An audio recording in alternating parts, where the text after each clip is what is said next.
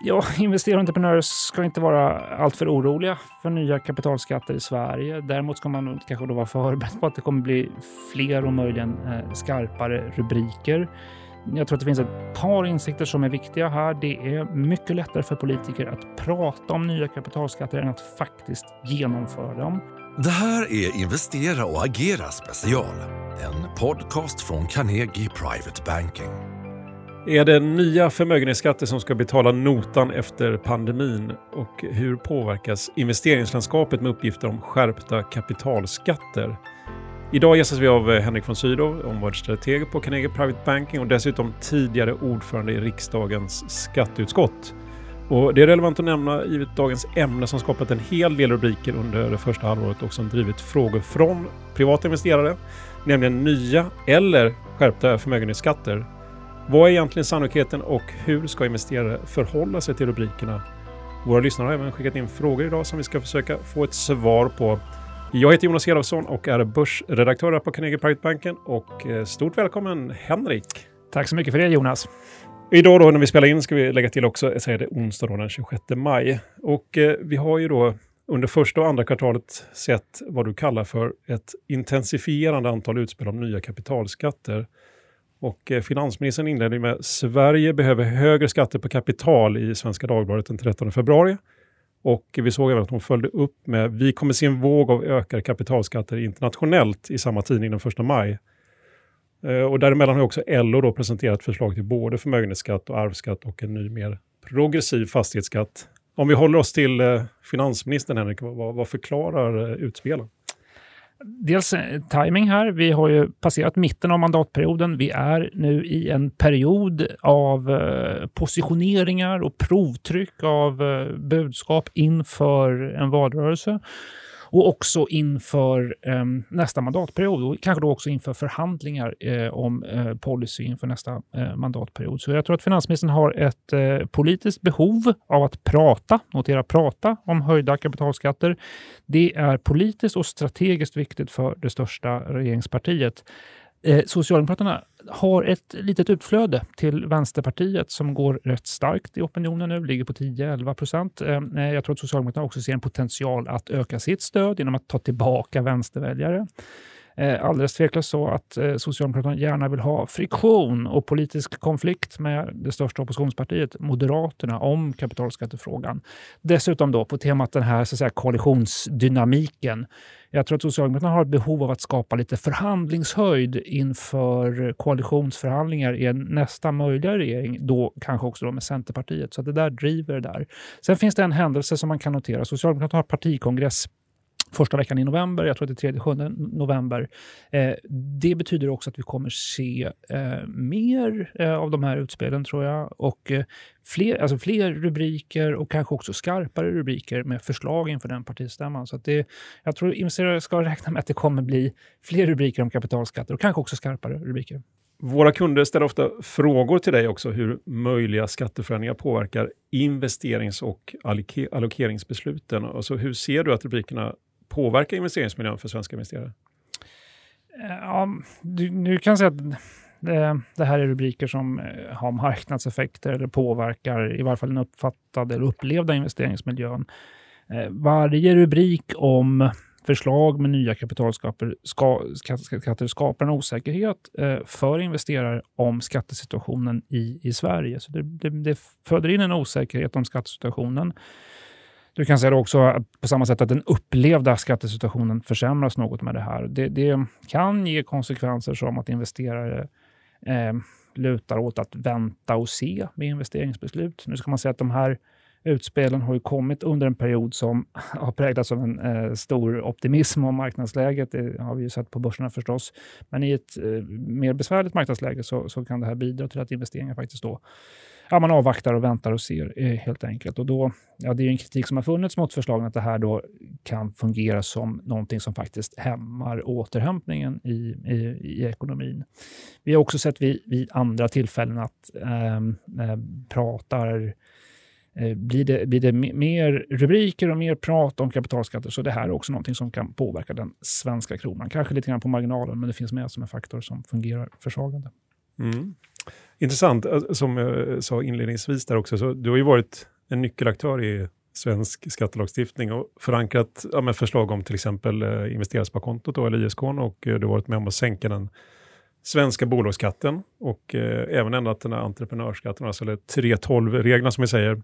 Med, alltså med din erfarenhet, där, vad, vad är nycklar till att lyckas att genomföra skattereformer? Vilka boxar ska man ticka av för att, ja, för att de här förslagen faktiskt eh, ska bli verklighet och genomförbara?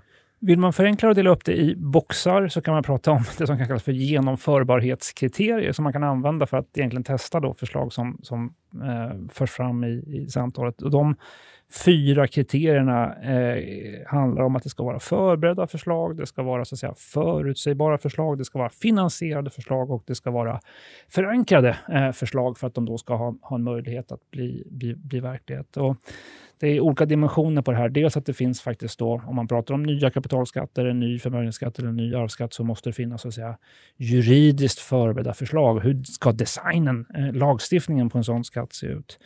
Det andra är då det här ekonomiska kriteriet att eh, ja, lägger man fram förslag på nya skatter så, så ska man bara veta vilka så att säga, finansiella konsekvenser ger det där. Alltså hur reagerar ekonomin på ny skattelagstiftning? Det vill en finansminister känna sig trygg med och beslutsfattare känna sig trygga med. Så att eh, de ska vara så att säga eh, förutsägbara, liksom, de finansiella konsekvenserna i den aspekten. Eh, sen finns ju det här då liksom också renodlade politiska kriteriet går de att förankra, både i parlamentet men också hos svenska folket?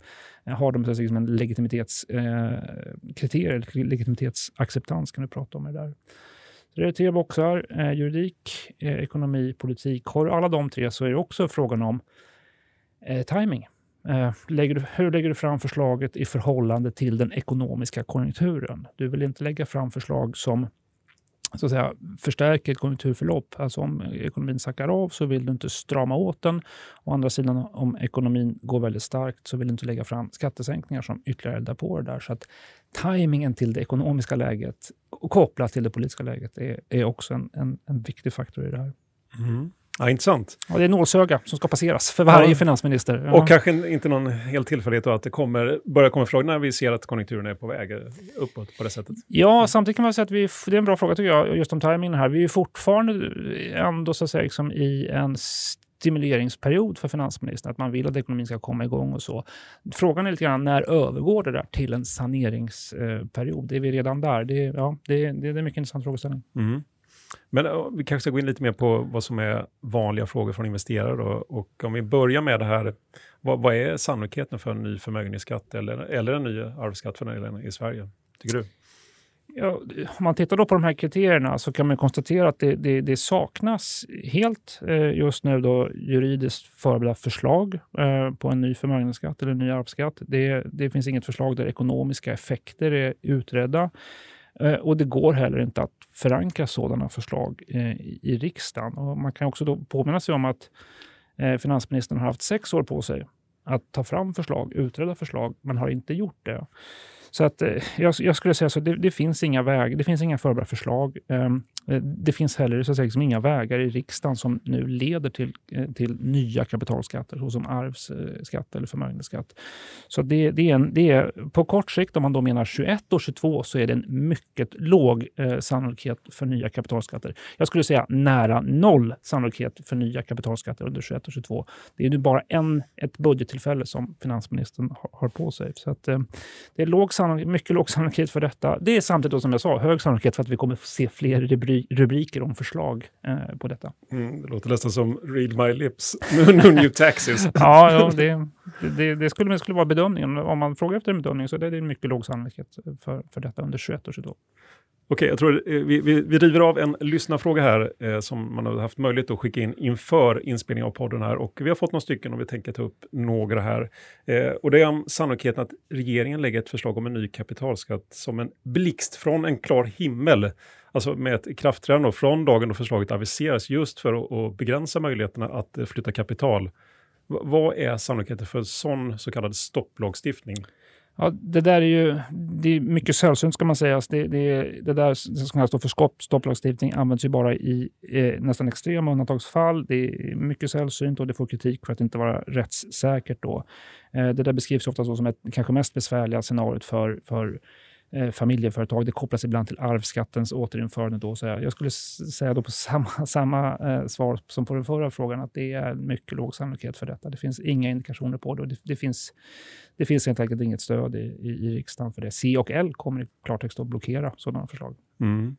Eh, men om, om du lyfter blicken alltså för utsikten eh, för nya kapitalskatter på lite längre sikt, om alltså ser förbi svenska valet och eh, in i nästa mandatperiod, vad, vågar du på någon annan bedömning då? Eller är det fortfarande samma? Det blir kanske mer, ja, det kanske blir mer en spaning än en, en bedömning. Det, I och med att det ska till en stor händelse då, som ger förutsättningarna med eh, ett, ett svenskt val eh, som ju ligger i september eh, 22 jag tror att även om man drar ut blicken och tittar mot eh, 22 till 26 och avgränsar frågeställningen till just nya kapitalskatter så tror jag att det är en låg sannolikhet också för detta. Eh, oavsett regeringskonstellation i det här. Oavsett om det är en S-ledd eller en M-ledd regering så tror jag att det är en låg sannolikhet för nya kapitalskatter. Och skälet för det är eh, delvis det jag var inne på. Det tar tid att utforma sådana förslag. Eh, det är eh, svårt att få så liksom en, en folklig förankring för det. Det finns, liksom ingen, det finns ingen efterfrågan på den sortens skatter. och det kommer vara svårt att förankra det i parlamentet. Det är mycket talar för att samarbetspartier skulle blockera detta. jag vill också säga att det, det är tveksamt om Socialdemokraterna ens vill gå till val på eh, skarpa förslag vad gäller förmögenhetsskatter eller arvsskatter. Det där är skatteförslag som riskerar att skrämma mittenväljare. Så att, skulle jag göra en bedömning ändå då, eh, på, mm, på, på lite längre sikt, perioden 22 till 26, så är det en låg sannolikhet för, för nya kapitalskatter i Sverige. Mm. Men eh, om vi ska gå in lite på, kanske på fastighetsskatten, och den har ju också skapat en hel del rubriker och eh, vi har också fått eh, flera lyssnarfrågor faktiskt på det ämnet. Så vi, vi river av den också. Där. Vad, vad, är, vad är sannolikheten för att fastighetsavgiften omvandlas till en mer, så att säga, mer progressiv skatt som tar in väsentligt mycket mer skatteuppbörd och i, ja, men i praktiken fungerar som en förmögenhetsskatt för boende i sig, ja, men Djursholm och Danderyd och Bromma? Mm. Eh, på kort sikt samma svar där då, att det, det eh, finns inga utsikter att det kommer genomföras varken 21 eller 22. På längre sikt så kan man ju resonera då om, om det skulle bli en eh, regeringskonstellation som leds av socialdemokrater eh, och de har ett mandat att eh, på något sätt eh, eh införa rättviseskatter, om man kallar det för det, alltså ideologiskt eller principiellt motiverade skatter som ska fungera utjämnande och man inte kan göra det med en arvsskatt eller inte kan göra det med en förmögenhetsskatt och tycker att det är en svårframkomlig väg, då är också frågan eh, i en möjlig, eh, vad möjliga konstellationspartner har lättast att släppa fram. Och då är det möjligt att fastighetsskatten, eh, på samma sätt som det som kallas för entreprenörsskatten, 3.12-regelverket, eh, kan bli föremål för tuffa förhandlingar då, eh, i, i en, en ny regeringskonstellation. Men återigen här då skulle jag säga att det mest sannolika, även om, om, eh, om man pratar om, om fastighetsskatten, så tror jag här att det är mycket lättare att höja taket i det som idag är fastighetsavgiften snarare än att ta fram en ny design på en fastighetsskatt som skulle då fungera mer progressiv um, och som ibland beskrivs som en ny förmögenhetsskatt. Det där är lagstiftning som är svår att ta fram. Eh, jag tror den skulle skrämma många. Du vet heller, det är väldigt svårt att bedöma som finansminister vilka konsekvenser på bomarknaden eh, en ny fastighetsskatt faktiskt skulle få. Du, kommer vara, du måste vara rätt modig som finansminister att lägga fram ett för, sådant förslag.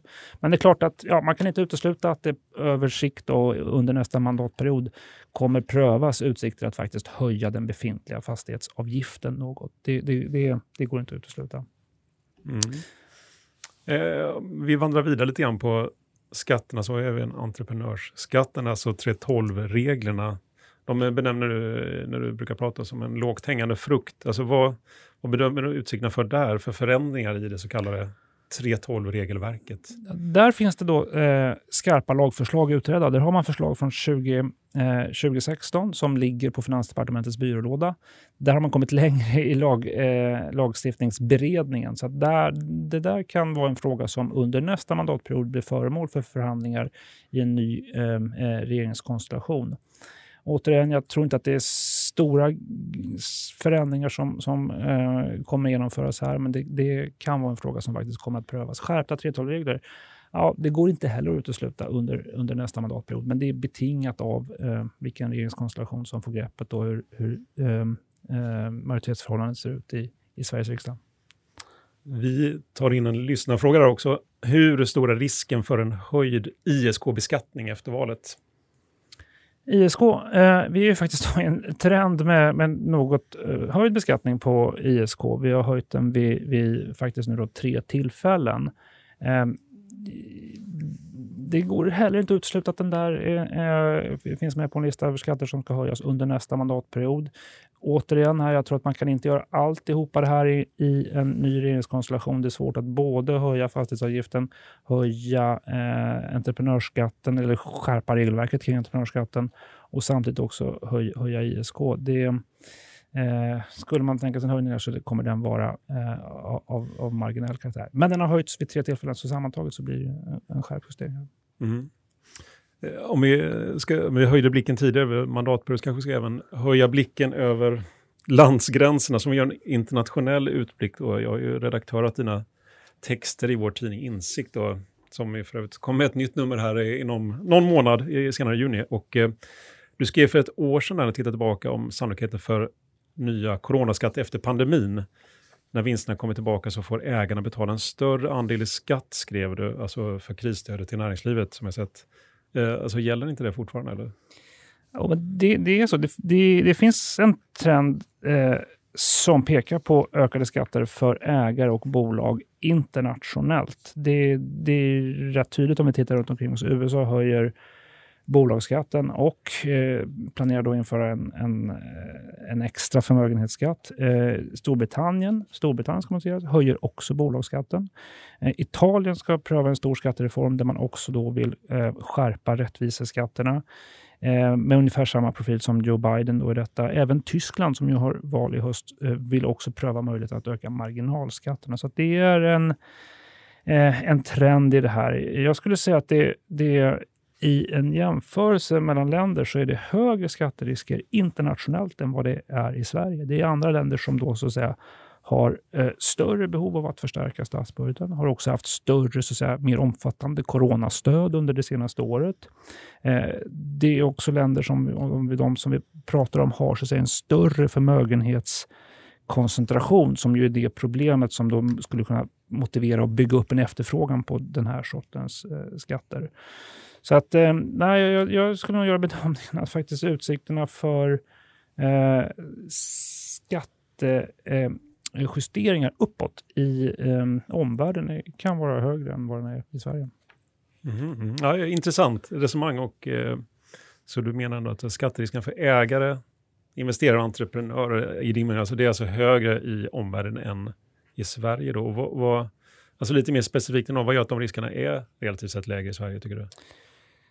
Eh, vi, vi, har, vi har starka offentliga finanser i Sverige. Det är så att säga liksom inte statsfinansiellt nödvändigt med eh, skärpta eller nya kapitalskatter. Vi har då, om andra har spenderat eh, mer i coronastöd så har vi spenderat faktiskt lite mindre.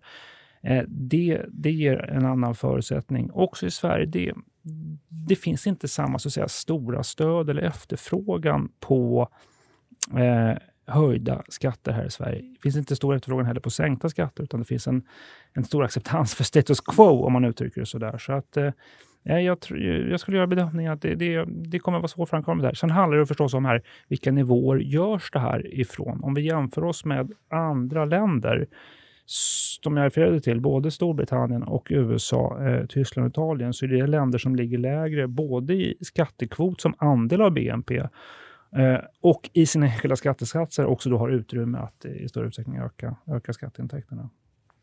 Mm, om vi tar ytterligare en lyssnarfråga här med lite mer börsfokus. Eh, kort och koncis här, hur kan Joe Bidens förslag till internationellt skattegolv för bolagsskatten påverka svenska börsbolag? Ja, Biden har eh, en idé eh, om då ett internationellt skattegolv på bolagsskattesidan på, på eh, omkring 15 procent. Eh, det eh, kommer vara en svår väg att få det genomfört. Eh, det kommer vara mycket motstånd från många olika länder. Det finns en OECD-process som ska pröva den här frågan med ett stort möte i sommar i det här. Jag tror att det, det kommer ta tid innan det här är på plats. det blir väldigt spekulativt om vilka konsekvenser det här skulle kunna få. Då, men det är klart att, så att säga, om det är svenska börsbolag som har eh, bolagsskattestrukturer med betalningar eh, på, på Eh, till exempel Malta eh, eller möjligen Irland i detta, så kan ju det vara, vara bolag som möjligen framåt i tid har utsikter att få en något annorlunda skattesituation. Vi vet ju att gamingindustrin och bettingindustrin har ju haft eh, skattestrukturer som har kopplingar till Malta eh, och eh, också andra jurisdiktioner. Mm. Jag tror att det är dags att runda av lite grann. Men nu, om du skulle skicka med någon sammanfattning här, Henrik, alltså hur ska investerare agera på det här då? Ja, investerare och entreprenörer ska inte vara alltför oroliga för nya kapitalskatter i Sverige. Däremot ska man kanske då vara förberedd på att det kommer bli fler och möjligen eh, skarpare rubriker. Jag tror att det finns ett par insikter som är viktiga här. Det är mycket lättare för politiker att prata om nya kapitalskatter än att faktiskt genomföra dem. Vi vet ju att när förslag eh, om nya skatter konkretiseras och konsekvenserna klargörs så, så brukar motståndet faktiskt öka. Så att det, och det är den andra insikten, då, att skilja så att säga, rubriker från vad som är genomförbara förslag. Det finns just nu inga genomförbara förslag på, på nya kapitalskatter i, i Sverige. Och det, Eh, den, den, tredje delen i det här är ju det att eh, då förstås att Carnegie Private Banking jobbar ju med att bevaka skatteförändringar. Och är det så att våra skattejurister och rådgivare ser att det finns skäl att på något sätt agera för investerare och entreprenörer inför eh, förändringar i skattesituationen så kommer vi meddela våra kunder detta. Så då kan investerare och entreprenörer istället fokusera på att utveckla affärerna och göra bättre investeringar on that, on that happy note. Ja, men, eh, stort tack Henrik för dina insikter här och utsikter. Eh, och eh, vi tackar även för de svar på frågor från våra, våra kunder och investerare. Och eh, man skulle ju kunna sammanfatta nästan med att vi live in tax times, om man ska travestera Financial Times. We live in Financial Times. Och imorgon fredag ska vi göra reklam för då leder jag presentationen av vår nya strategirapport med rubriken Brytpunkten och vilken det är, det får ni eh, ta reda på då. Så missa inte det och eh, missa inte heller nästa poddavsnitt då som är på torsdag om en vecka. Och det är med vår chef för portföljförvaltningen Peter Nelson. Tack för att ni lyssnade. Du vet väl att den här podden finns på både Spotify och iTunes? Om du tyckte det här avsnittet var bra får du gärna ge oss ett betyg eller rekommendera podden vidare.